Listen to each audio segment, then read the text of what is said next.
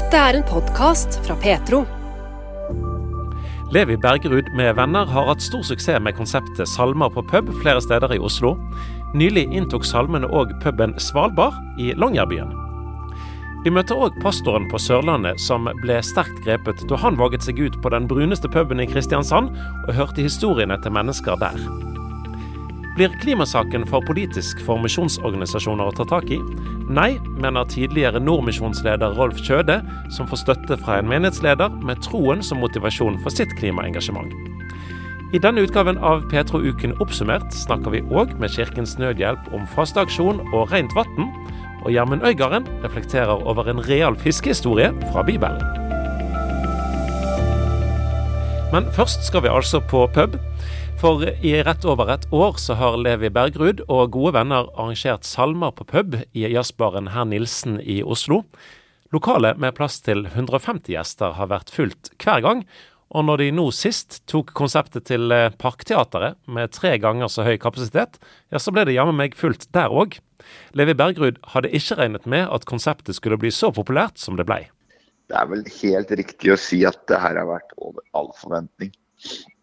Jeg, jeg, visste jo ikke i hele tatt hva vi hva, hva, som skjedde rundt det her, og hva vi kom til å oppnå. på en måte, var egentlig bare å prøve noe nytt og ta med den, den fine sangskatten og ikke minst den gode atmosfæra uh, ut blant folket, som vi har hørt så mye om.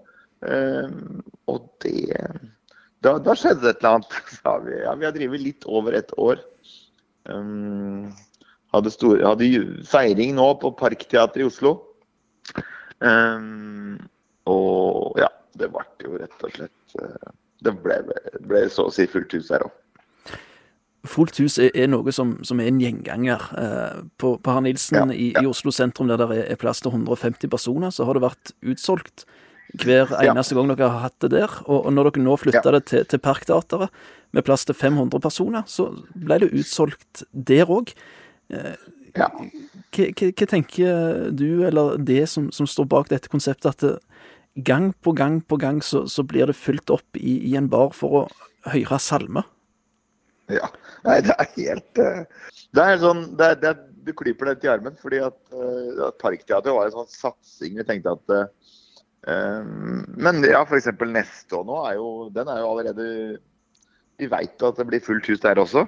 Um, det, det, var tydeligvis behov for det. Også det som jeg syns er så herlig, er at det er eh, Det kunne jo vært at bare kristne folket flytta seg til et annet sted. Men det er liksom mye mulighet for kristne folk å ta med vennene sine. Noe som det er litt, litt um, lavere terskel på. så, så, Da blandes det på en måte Jeg har inntrykk av at det er folk som er såkalte ikke-kristne, som ikke har den bakgrunnen. Så er det kristenfolk, og så er det folk som kanskje ikke har vært i noe kristen setting på mange år. Uh, typ her en dag, jeg må si en liten tilbakemelding, jeg nevner jo ikke navn, men da, da blir rørt når jeg begynner å si det. Men uh, takk for at dere hjalp meg til å få tilbake trua mi, er tilbakemeldingen vi får. Og da, ja, da, da, føler man, da føler man seg ydmyk og føler, meg, føler seg som en liten sånn Bare som en brikke i noe som er litt, litt større.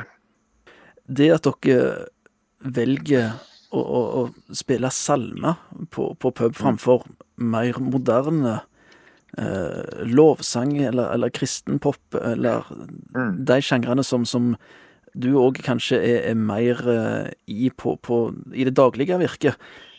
Er det, er det noen ja. spesiell tanke bak det? Nei, det er ikke noe, nei, det, er, det var bare at egentlig at uh, altså det, det, er så tydelig. Det er, alle, det er noe alle har hørt om. Det har jeg også sagt når jeg kjører vanlige Levi-konserter òg, har jeg liksom Utpå kvelden så har jeg ropt liksom, eller sagt Er det noen som er klar for ei salme her? Bare som en sånn avbrekk. Og det, det, akkurat det kjøper folk. Så det er en veldig fin innfallsvinkel til å, til å nå inn til folk. Altså, jeg var jo tungt inne i den lovsangsbølgen for noen år siden, men nå liksom lager jeg mer egen musikk. Og, men det er også selvfølgelig troa mi er godt innbakt der. Men uh, her så syns jeg det var passende med salmestilen. Og vi er, vi er ikke helt uh, vi er ikke helt strikt på det, så vi blander jo inn en eller annen bedehusklassiker også. Som også er kjempegøy, for da kan du ha noen sanger type uh, Åge Samuelsen som du kan dra på litt på.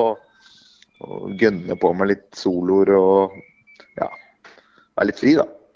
Dere har holdt på nå i, i ett år med, med salme på, på, pub. og Du, du driver som musiker til, til vanlig òg. Det er litt ja. fristende å spørre hvor er allsangfaktoren størst? Hvor er det du får, får mest uh, publikum med på sangen? Er det når du er på pub, eller når du holder konsert i, i kirke og menigheter? Det er akkurat nå så syns jeg Salen på pub uh, leder, altså.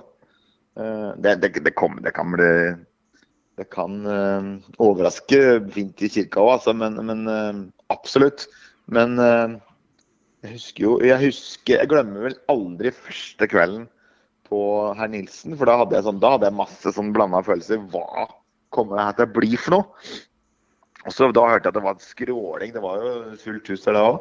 Så tenkte jeg oi, det, dette kan gå begge retninger. Men så gikk vi på scenen, og så ble det stille i salen. Så begynte vi med O store Gud, og så kom refrenget, og så husker jeg at taket bare revna, altså taket løfta seg. Det var bare sånn. Og da dro jeg hjem etterpå bare Hva skjedde nå? Det var så sterkt. Så Salmer Salme på pub, der er det Der runger allsangen. Salmer på pub har altså trukket fulle hus i Oslo det siste drøye året. Men Levi Bergrud forteller at de òg ønsker å ta det med seg ut til andre deler av landet. Og nylig så fikk de ta med seg salmer på pub til Svalbard. Ja, Da var jeg, da spent. Det var jo det var et uh, trosprosjekt, altså. Husker jeg vi satt på hotellet, forberedte oss.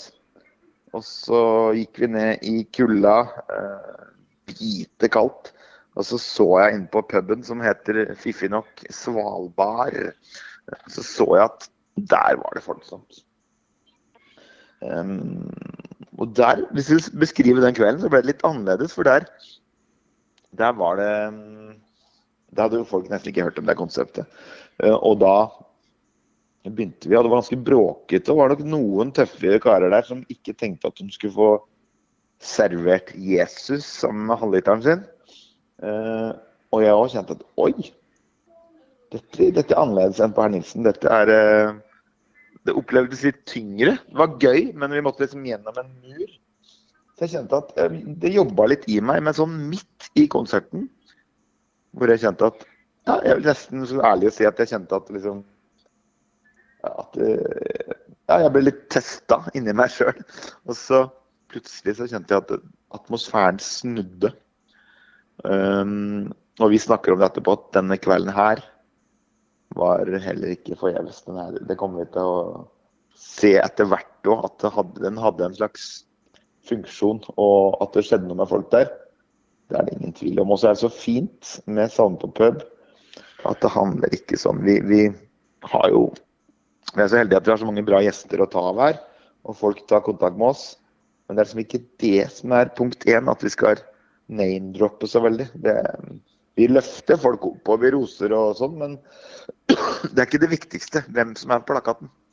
Det må være noen som bare har litt hjerte for det her. Så spennende prosjekt. Jeg tror vi bare har så vidt begynt.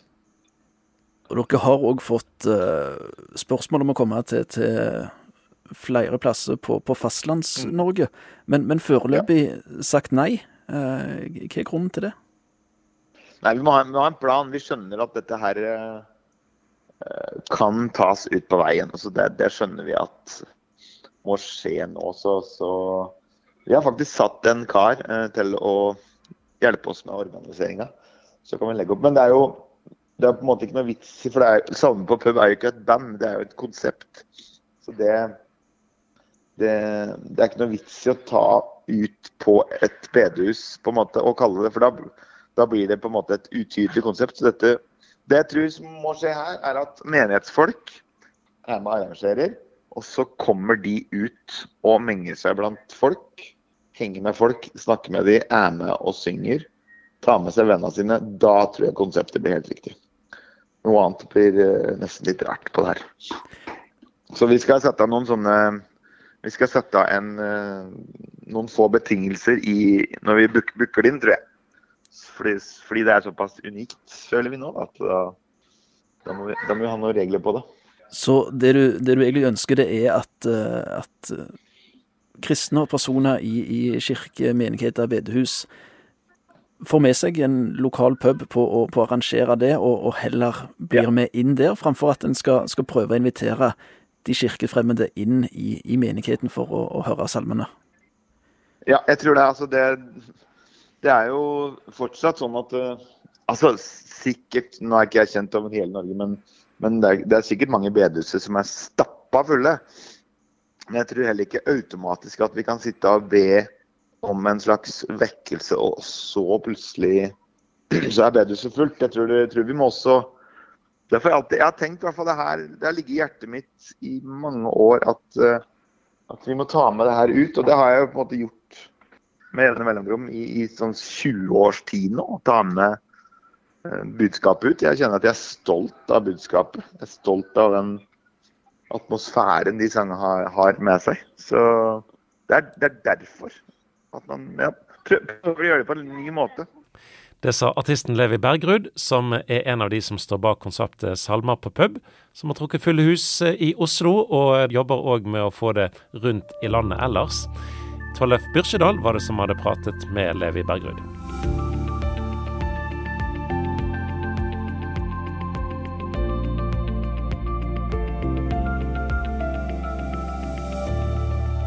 Og vi skal holde oss på puben litt til, for Geir Johannessen er evangelist og mangeårig pastor i Misjonskirken Norge.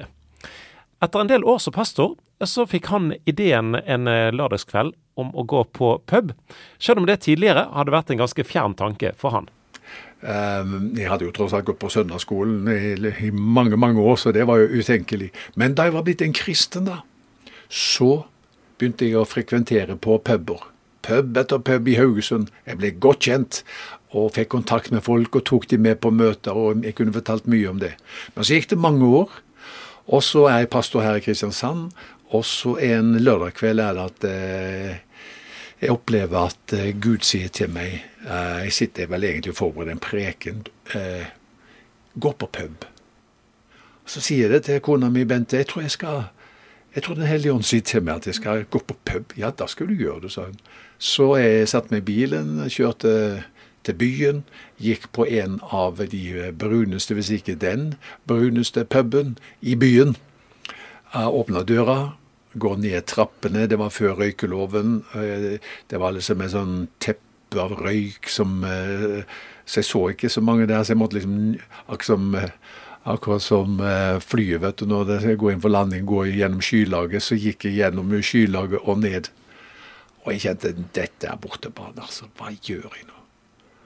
Og så, um, og så gikk jeg bort til bartenderen der og så spurte serverer du kaffe her. Ja, det gjorde han. Ja, Så jeg fikk meg en kopp kaffe, satte meg ned. Jeg hadde bare så vidt nippet til eh, kaffekoppen. Så er det en som setter seg ned ved siden av meg, så sier han er du prest? Jeg ble jo litt paff, jeg tenkte går det an å se det på meg? Så jeg måtte jo bare innrømme at eh, vel, eh, jeg er for pastor eh, her i byen. Og så forteller han at han hadde sett meg ved en anledning, trodde han, og tok kjensel på meg. og og syntes det var så rart. Hva gjør du her? Nei, så sier jeg at det, jeg tror det var Gud som har sendt meg her i kveld. Så forteller han sin livshistorie. Det gjorde veldig inntrykk på meg. Eh, og så like fort som han var kommet, eh, så forsvant han da igjen. Så kommer det en annen kar, setter seg ned. Jeg hører du er sånn en kul prest, sa han. Ja, jeg vet ikke det, sa jeg. Så forteller han sin livshistorie. Og da jeg gikk derfra den kvelden, så jeg må si at da, da, var jeg dypt beveget. altså. Jeg kjempet egentlig med å holde tårene tilbake, for jeg tenkte her skulle du ha vært for lenge siden. Og da begynte en periode for meg over ganske lang tid hvor jeg regelmessig gikk på pub i Kristiansand. Men det handler jo om å møte mennesker. Det handler om å være der de er, lytte til deres historier. Ikke dytte på noe, noe de ikke vil ha, men lytte. Og så eh, kunne få del i evangeliet når det liksom åpnet seg. Det gjorde det for meg òg. Og disse som jeg møtte på puben, ble jo godt kjent med, da. Og jeg inviterte dem på alfakurs. Og vi kjørte et alfakurs med mange deltakere fra, fra en av byens puber det, jeg, jeg, kunne fortalt mye om det alfakurset. Det gjorde veldig inntrykk. Og eh, jeg vet i alle fall at eh, eh fra den tiden der så er det eh, i alle fall én som hadde gitt opp livet, som fikk et nytt møte med Jesus, og livet kom på skinner. Han tok utdannelse, er gift og er i jobb. Det går så bra for han. Så det, det er mange, mange gode ting som kan skje når vi møter mennesker der de er. Vi kan rope til dem fra vår banehalvdel, men jeg tenker det handler om å, å gå på deres banehalvdel. Være der vanlige folk er, lytte til deres historie og dele evangeliet. Da er det mye som kan skje. Det å, å være med på, på det å, sitte og lytte og sitte og snakke med folk på, på, den måten, er kanskje ikke noe som, som er for oss alle, eller for, for, hvem som helst. Men for de som kjenner på det som, som sitt kall, som, som, noe som de kanskje har blitt utrusta til å gjøre, eh, hvordan vil du si at en, en kan gå fram for å, å utfylle eller oppfylle det, det kallet som en har fått? Altså, jeg tenker at um, Gud er evangelisten. Og han er mye lenger uh, framme, på en måte, enn vi er. Før så tenkte jeg sånn at eh, Gud og verden var atskilt, og at det var min oppgave som eh, kristen å bringe Gud til verden. Ja, det går jo an å si det sånn, men jeg tenker Gud er evangelisten. Han er mye lenger framme enn meg. Så mitt oppdrag er egentlig ikke å bringe Jesus til Kristiansand. Der er han allerede. Men mitt oppdrag er å finne ut hva er det Jesus holder på med i Kristiansand. Og hvordan kan jeg koble meg på det? Så det som vi alle kan gjøre, tenker jeg, alle kristne kan gjøre, det er å ha radaren oppe, eh, eller antenna oppe, og spørre seg selv Ser jeg noe tegn på Guds aktivitet i mine omgivelser? Hva blant vennene mine? Nabolaget? Familien? De som jeg jobber sammen med? Ser jeg noen tegn på at Gud er til stede? Og virker Lytter Den hellige ånd? Og da handler det om å bevege seg varsomt inn i det, og samarbeide med Gud om det som Han gjør. Så man behøver ikke gå på en pub for å være evangelist liksom, eller et vitne om Jesus, men det handler om i den settingen der du er, i din verden, i ditt nettverk, å se etter som jeg sier, tegn på hva Gud gjør, og samarbeide med Han om det. Det sa Geir Johannessen, evangelist og mangeårig pastor i Misjonskirken Norge, og han fortalte dette til reporter Tollef Byrkjedal. Du lytter til en podkast fra Petro. Vi ønsker å formidle tro, rotfestet, redelig, reflektert og relevant, slik at du blir inspirert til etterfølgelse av Jesus. I tillegg til podkaster og webradio kan du høre Petro på DAB 24-7 mange steder i landet. Så skal vi skifte tema, og det skal handle om klima. For mandag denne uken ble siste del av FNs klimapanel sin sjette hovedrapport offentliggjort. Den oppsummerer klimaendringene sine årsaker, virkninger og mulige løsninger. Det må handles raskt, slår panelet fast. Hva som får folk til å engasjere seg i klimasaken varierer jo selvfølgelig fra person til person. Daniel Skjeldrup er med i lederskapet for en frikirkelig menighet i Bergen, og for han er klimaengasjementet en konsekvens av troen. For det første så tror jeg jo på en gud som har skapt den, denne flotte planeten her. Han har skapt oss i sitt bilde. Og i det så ligger òg et slags ja, ansvar, forvalteransvar, som vi ofte kaller det, om at planeten skal vi ta vare på med jorden og naturen, og bruke den på en måte som ja, bevarer den og ikke ødelegger den. Og så Den andre siden er jo òg noe som er veldig viktig i vår tid, nemlig at de som rammes hardest av klimaendringene, det er jo de fattigste og svakeste i verden som får økte mengder tørke og flom og hungersnød og nettopp Bibelens ord om å være en stemme for de svakeste og hjelpe de som har det tyngst, er jo òg noe som sier meg at når klimaendringene er blitt sånn som de er blitt, så må vi faktisk ta tak i det. Så det betyr at du tenker at, at klimaengasjementet er et, et, et, et si, kirkens ansvar? Ja, ja, for meg så er det absolutt det, ja. Hvor sentralt da vil du si at det står i eh, et kristent verdensbilde å tenke sånn som du eh, skisserte det? Det er vanskelig å svare på direkte, men jeg tenker jo at alt henger sammen, og at Gud, vi vet at Gud har skapt verden, og så leser vi Bibelen om et syndefall som ødela vår relasjon både til Gud og hverandre, og på mange måter òg til skaperverket kan du se en del bilder gjennom Bibelen på. Og på en måte så er jo klimakrig, liksom dette med det vi gjør som og får konsekvens for planeten, er jo bare ett av mange tegn på at det er noe som har gått galt. Og vi trenger omvendelse, for å ta et godt, gammelt kristent ord. Men jeg tror at eh, Gud har noe bedre for oss, han har noe bedre for livene våre, og at det òg innebærer at det er mulig å leve på en måte som fungerer bedre for jorden og for klimaet. Mm. Og eh, Ordet omvendelse det, det, betyr jo rett, sånn, rent sånn språklig så betyr jo at du går i én retning, og så snur du deg og så går du i en annen retning istedenfor. Det regner jeg med at du da tenker at vi trenger eh, rent sånn klimamessig? Ja, absolutt. For det er jo må, vår levemåte, særlig i Vesten og i rike Norge, som fordi vi er materialistiske, vi er opptatt av at vi skal ha masse fine ting og kan reise mye og alt mulig sånn, så skal jeg ikke si at hver eneste enkelt ting er en synd i seg sjøl, men det er noe med denne selvsentrertheten og jaget etter hele tiden mer enten det ting eller opplevelser eller hva det måtte være, som vi ser har veldig store konsekvenser for planeten. En ting som er, og Her kommer en påstand som jeg egentlig ikke har veldig masse grunnlag for, eh, mer sånn anekdotisk. Men, men jeg syns det legger merke til at eh, si, engasjement for klima og miljø ikke har vært veldig sterkt i si, norsk lavkirkelighet. Eh, en har, har, sett en del i, i, Den norske kirke, men ikke så veldig masse utenfor. Eh, vet ikke om du er enig i den påstanden, men hvis, hva kan være årsaken?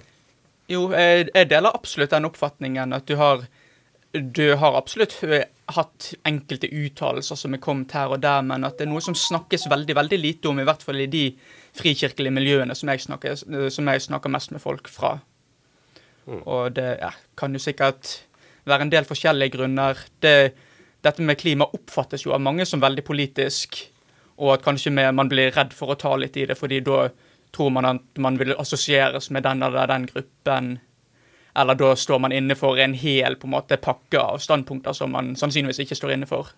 Ja, altså, Jeg har sett en frykt for å bli tatt til inntekt for noe som man kanskje ikke mener eller står for? Ja, jeg opplever i hvert fall at en del kanskje vegrer seg litt av ja, noen av de grunnene.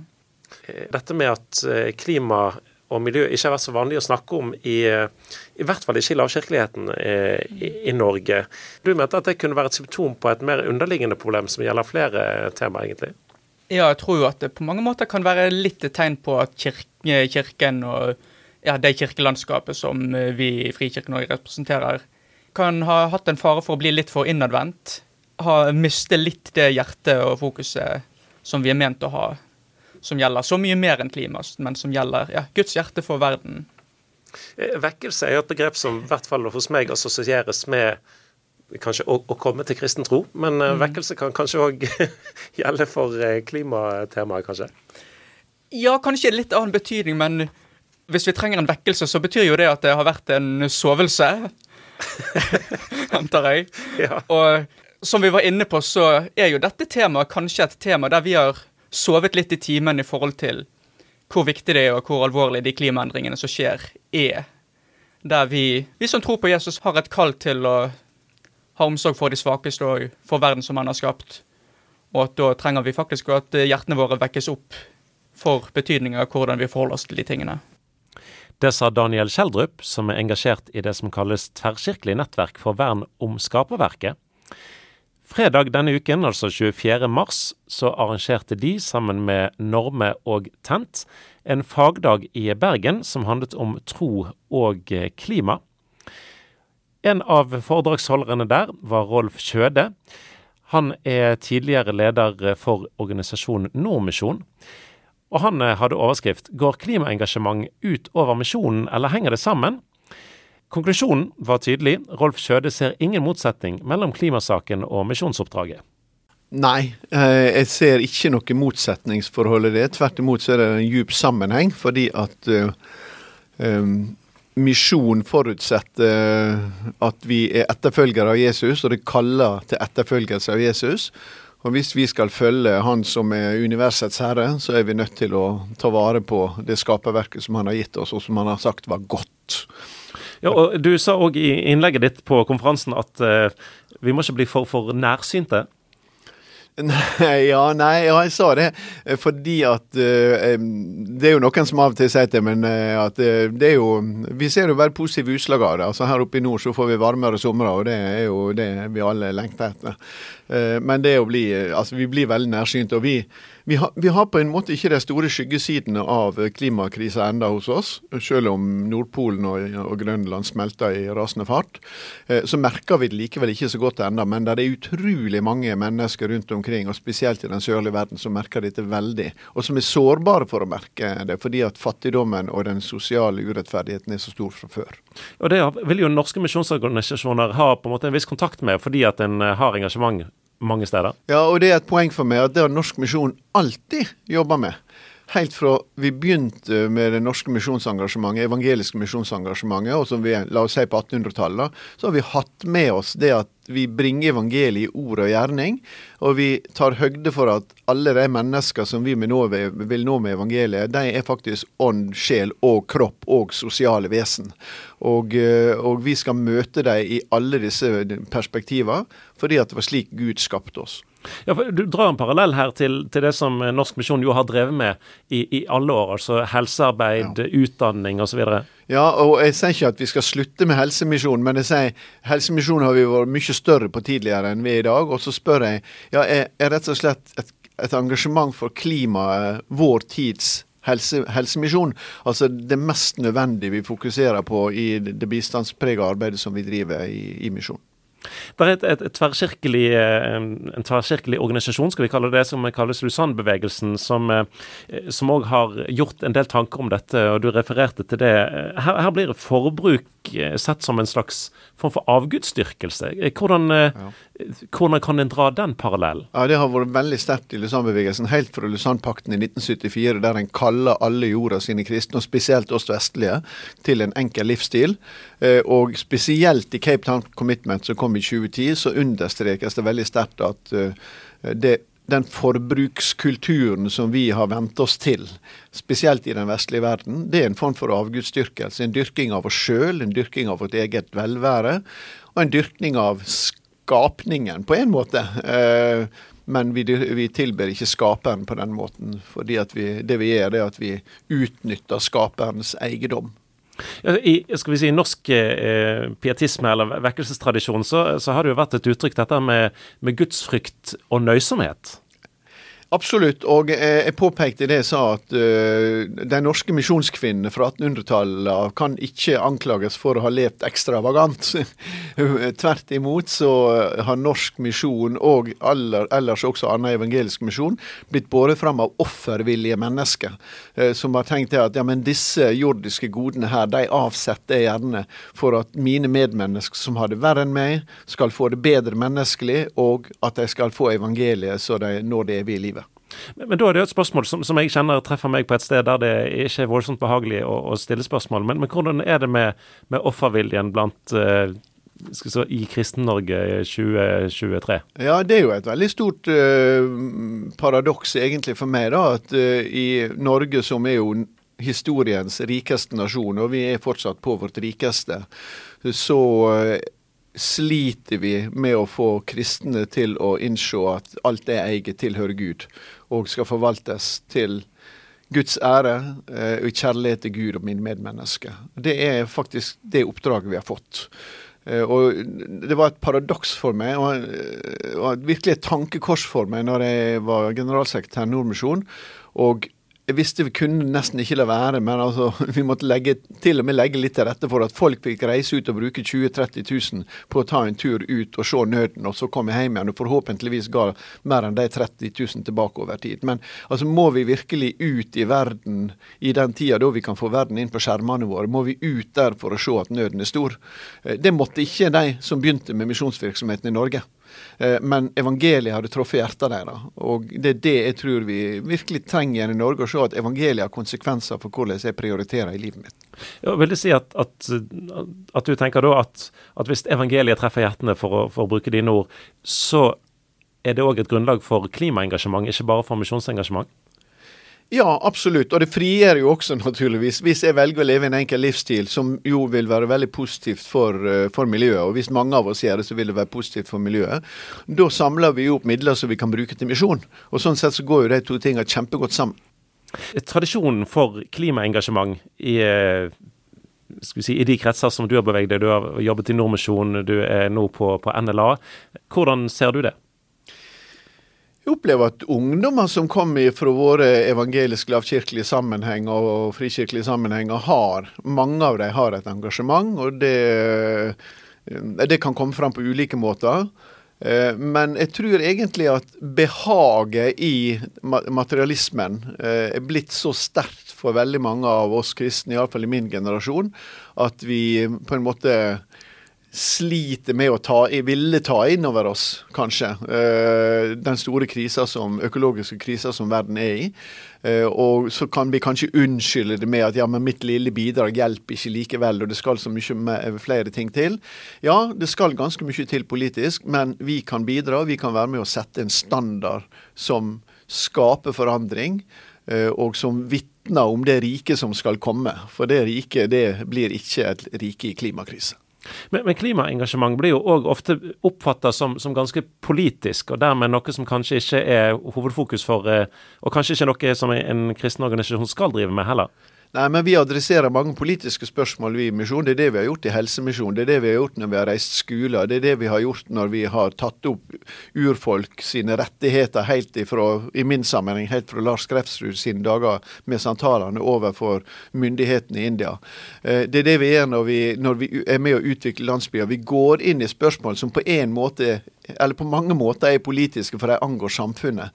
Og Vi er politiske vesen, vi er samfunnsmennesker. Men vi er ikke dermed partipolitiske, og det skal vi aldri bli, naturligvis. Og vi skal heller ikke utøve politikk, men vi har et budskap Uh, som vi ønsker at politikere også skal fange opp, slik at de skal forstå at de i sin forvaltning står overfor Gud. Så din konklusjon står altså fast at klima- og misjonsengasjement går godt i lag? Ja, etter mitt skjønn står det veldig godt fast. Det sa Rolf Kjøde, førstelektor i teologi, religion og filosofi ved NLA-høgskolen Bergen, og tidligere leder for misjonsorganisasjonen Nordmisjon.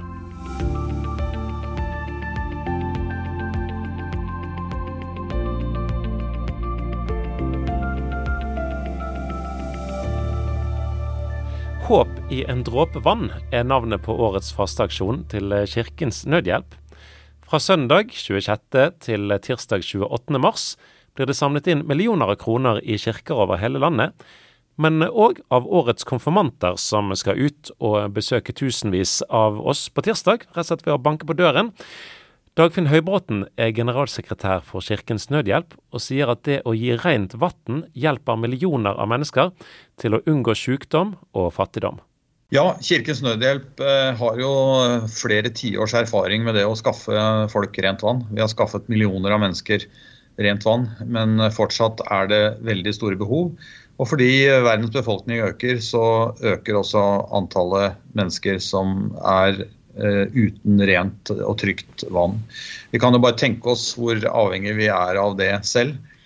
Eh, og hverdagen for i hvert fall 800 millioner mennesker i verden er at de ikke har eh, trygt vann i nærheten. De må ofte gå timevis for å hente noe som ikke er rent.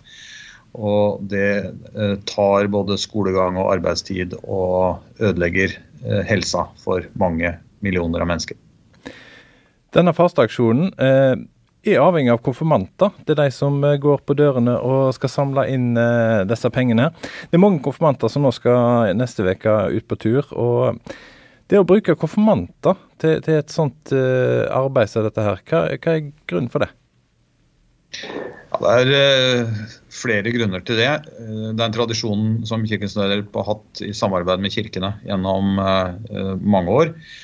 det betyr at som en del av konfirmantforberedelsene så blir ungdommen kjent med verdens urettferdighet, som eh, utspiller seg på ulike måter.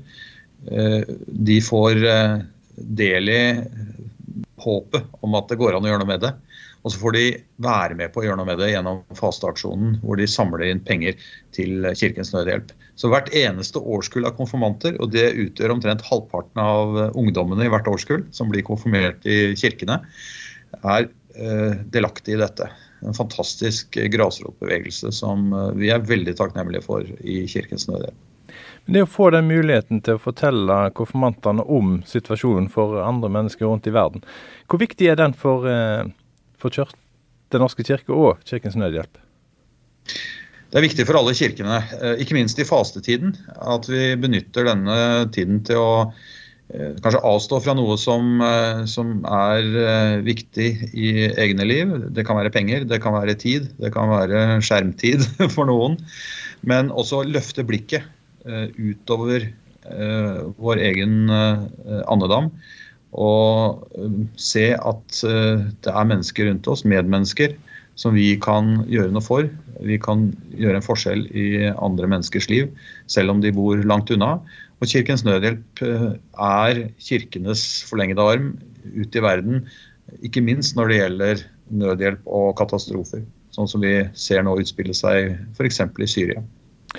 Jeg får håp i en dråpe vann. Altså, det er vi i Norge er jo bortskjemt med, med vann. Vi får jo kanskje for mye vann i eh, hvis en eh, tenker antall soldager vi har. Men, men altså, vi bruker rundt 200 liter vann, så jeg på nettsida deres, mens andre land er det ned mot uh, 10 liter.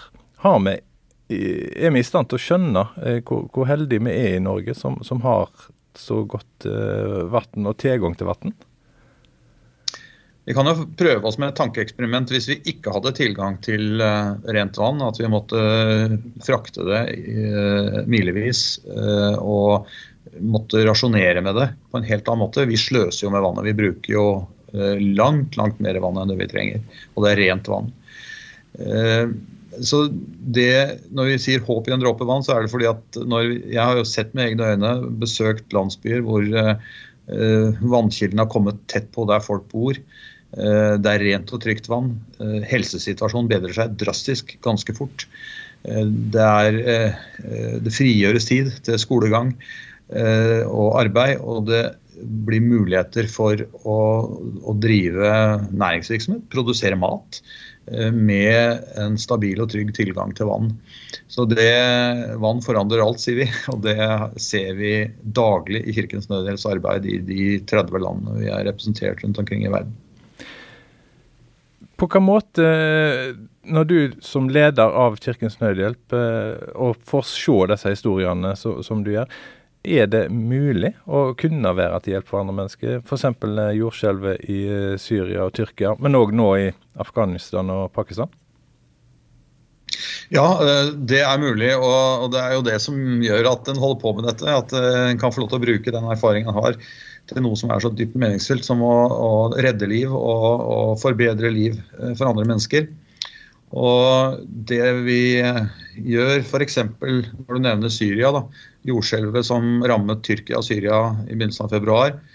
Eh, der eh, var Kirkens Nødhjelp gjennom våre lokale partnere, kirkepartnere, til stede allerede i de første timene etter at jordskjelvet hadde rammet. Eh, gjorde vurderinger av hva som trengtes, og kunne sette inn fra lokale nødhjelpslagre i første omgang med mat, vann, beskyttelse, eh, det aller mest elementære utstyret man trenger for å leve, til mennesker som har mistet alt. Og Det kunne vi gjøre takket være penger som ble samlet inn i fastaksjon i fjor, og som vi har i beredskap i en sånn krisereserve. Og så har jo mange samlet inn penger i Norge og, til, og også i andre land til denne responsen. Og vi kan si til kirkene hjemme i Norge dere var der og er der eh, takket være Kirkens Nødhjelp. Er det en eh, prioritert ting for, for Den norske kirke og, og kristne å, å, være med å hjelpe? Ja, Det vil jeg si det er. Helt fra den første kristne tid. Eh, vi snakker om en menighet i, i det syriske området, Antiokia, eh, der vi hører om den første innsamlingsaksjonen i kirkelig regi eh, til en hungerskatastrofe som, som var stor. Så går det en linje fram til det vi gjør i dag, som handler om diakoni, som handler om tro i praksis. Og det handler om nære ting i vårt eget nærmiljø, men vi har også et ansvar eh, for hvordan vi forvalter jorda og dens ressurser, og hvordan vi stiller opp for mennesker som ikke er så geografisk så, så nær oss, men som er våre medmennesker. På tirsdag så skal altså mange konfirmanter ut og gå, og de har med seg børset børse til å samle inn kontanter. Men de har òg med seg eh, Vipps-nummer som en kan gi på. Hvordan kan møte hvordan skal vi som får dem på døra, møte konfirmantene som står der? Jeg skal møte dem med, med, eh, varme og takknemlighet. fordi dette er altså neste generasjon av norske ungdommer som stiller opp for andre mennesker. Og det tenker jeg må varme hjertene rundt omkring i de tusen hjem i seg selv. Og så får uh, alle en mulighet da, til å, å gi på VIPS nummer 2426, eller med kontanter, som fortsatt en del har. Uh, slik at vi kan omsette disse pengene i akutt nødhjelp, men også i langsiktig hjelp hvor vi skaffer vann for resten av livet til tusener av mennesker. Dagfinn Høybråten er generalsekretær i Kirkens Nødhjelp. Siden 1967 så har de samla inn penger for å bekjempe fattigdom og urettferdighet i verden. Årets fasteaksjon fra Kirkens Nødhjelp den starter altså førstkommende søndag 26.3.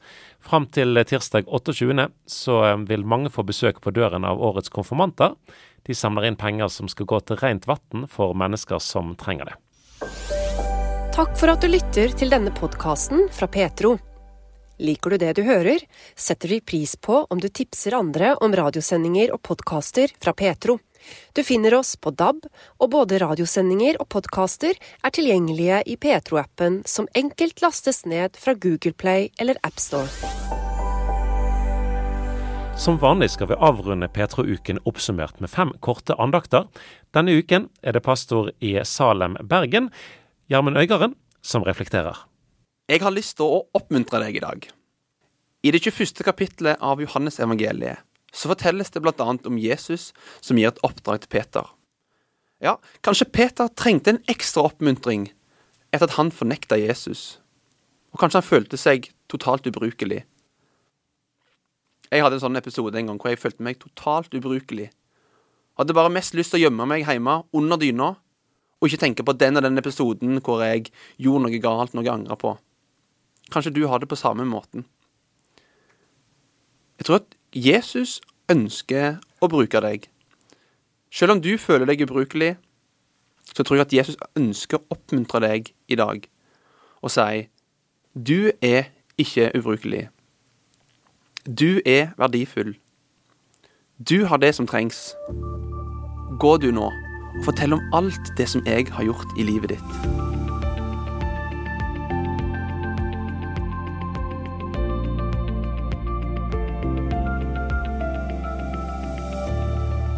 Hva er det som får maten på ditt bord?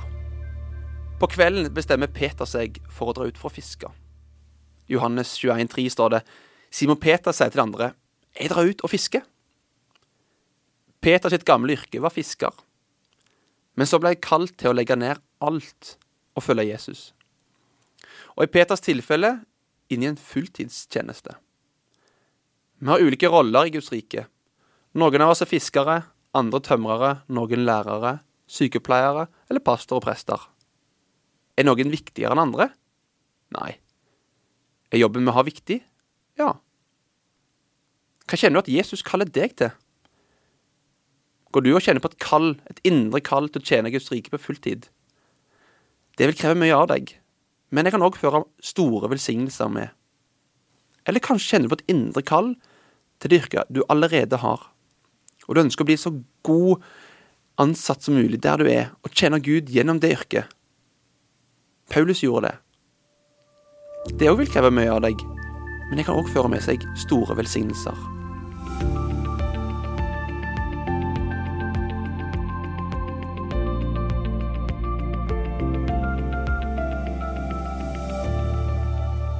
Du vet når du går forbi eller springer forbi noe du kjenner i motgående trans, eh, trafikk.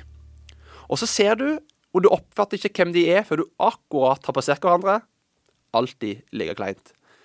I Johannes 21, 4 står det Da morgenen kom, sto Jesus på stranda, men disiplene visste ikke at det var han. Tenk det, disiplene visste ikke at det var Jesus. Kanskje kjente ikke disiplene igjen Jesus fordi de var så opptatt med arbeidet sitt. Det kan være en kjensgjerning for min egen del, og kanskje for deg òg. Vi ønsker å se Jesus, vi ønsker å følge han, men så blir vi så fort opptatt med det vi jobber med. Så opptatt at vi ikke oppfatter og ser Jesus. Disiplene visste ikke at det var Jesus som kom. Ja, kanskje var de for opptatt med det de holdt på med.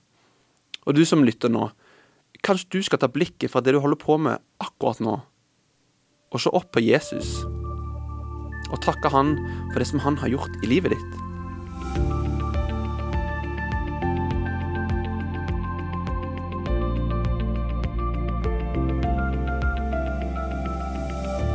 Jeg var ute med min bror og fiska en gang, og han fikk masse fisk, og jeg ingenting. Det var utrolig irriterende. For i teksten vi har foran oss i dag, så opplever disiplene at de ikke får fisk. Og så ber Jesus de om å kaste garnet på høyre side av båten. Og jeg vet ikke med deg, men om jeg og min bror hadde fiska, og han hadde sagt liksom bråkjekt 'Kast heller der borte', jeg vet ikke om jeg hadde gidda og hatt lyst til det. Men Jesus er ingen hvem som helst. Og disiplene gjør som Jesus sier. Og plutselig så fikk de så mye fisk at de ikke klarte å dra opp garnet, for det var så mye fisk. Og her kommer en nøkkel i teksten og for fangsten. For Johannes sier til Peter i vers 7 Det er Herren. Det er Jesus. Det var han som var grunnen til de fikk vekst, fikk framgang, fikk det de trengte og ville ha. Ofte så ber meg og deg om ting som skal skje. Om det er en kjæreste, en ektefelle, sunne barn, et flott hus som kan være til velsignelse for andre, eller en god jobb. Og så kan vi oppleve og føle at vi gjør litt som disiplene. Vi står og prøver og prøver og prøver, på vår måte, på vår greie. Men kanskje trenger vi å spørre Jesus, og koble han på, og koble han inn, og be, Herre, la din vilje skje. Og du, neste gang du får noe som du trenger, noe som du har bedt for. I stedet for å tenke at det var tilfeldig, tør du å si til deg sjøl og de rundt deg at det var, det var Jesus som velsigna deg med dette?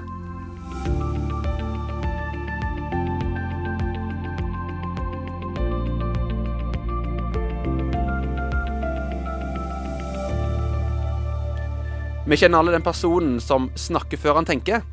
Da blir det ofte en god samtale og en god latter.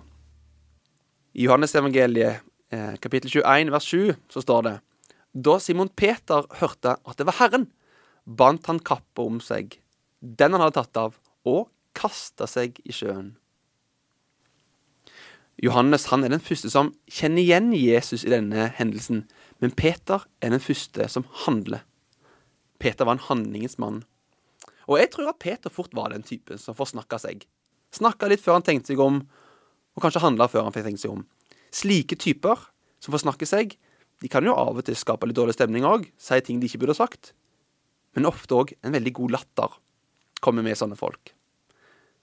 Og slike typer som handler uten å tenke seg om, kan fort ende opp med å gi dårlige avgjørelser.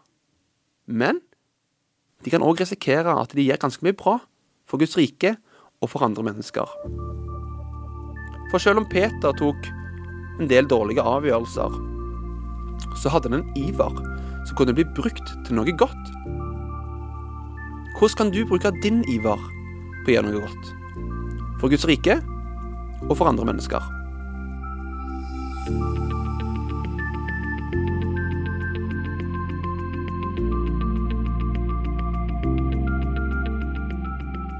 Ukdoll 2023 kom og er i skrivende stund, eller snakkende stund, i ferd med å avrundes. Jeg heter Bjørn Inge Sagstad. Takk for følget i Petro-uken oppsummert for denne uken. Vi er tilbake neste fredag med en ny podkast.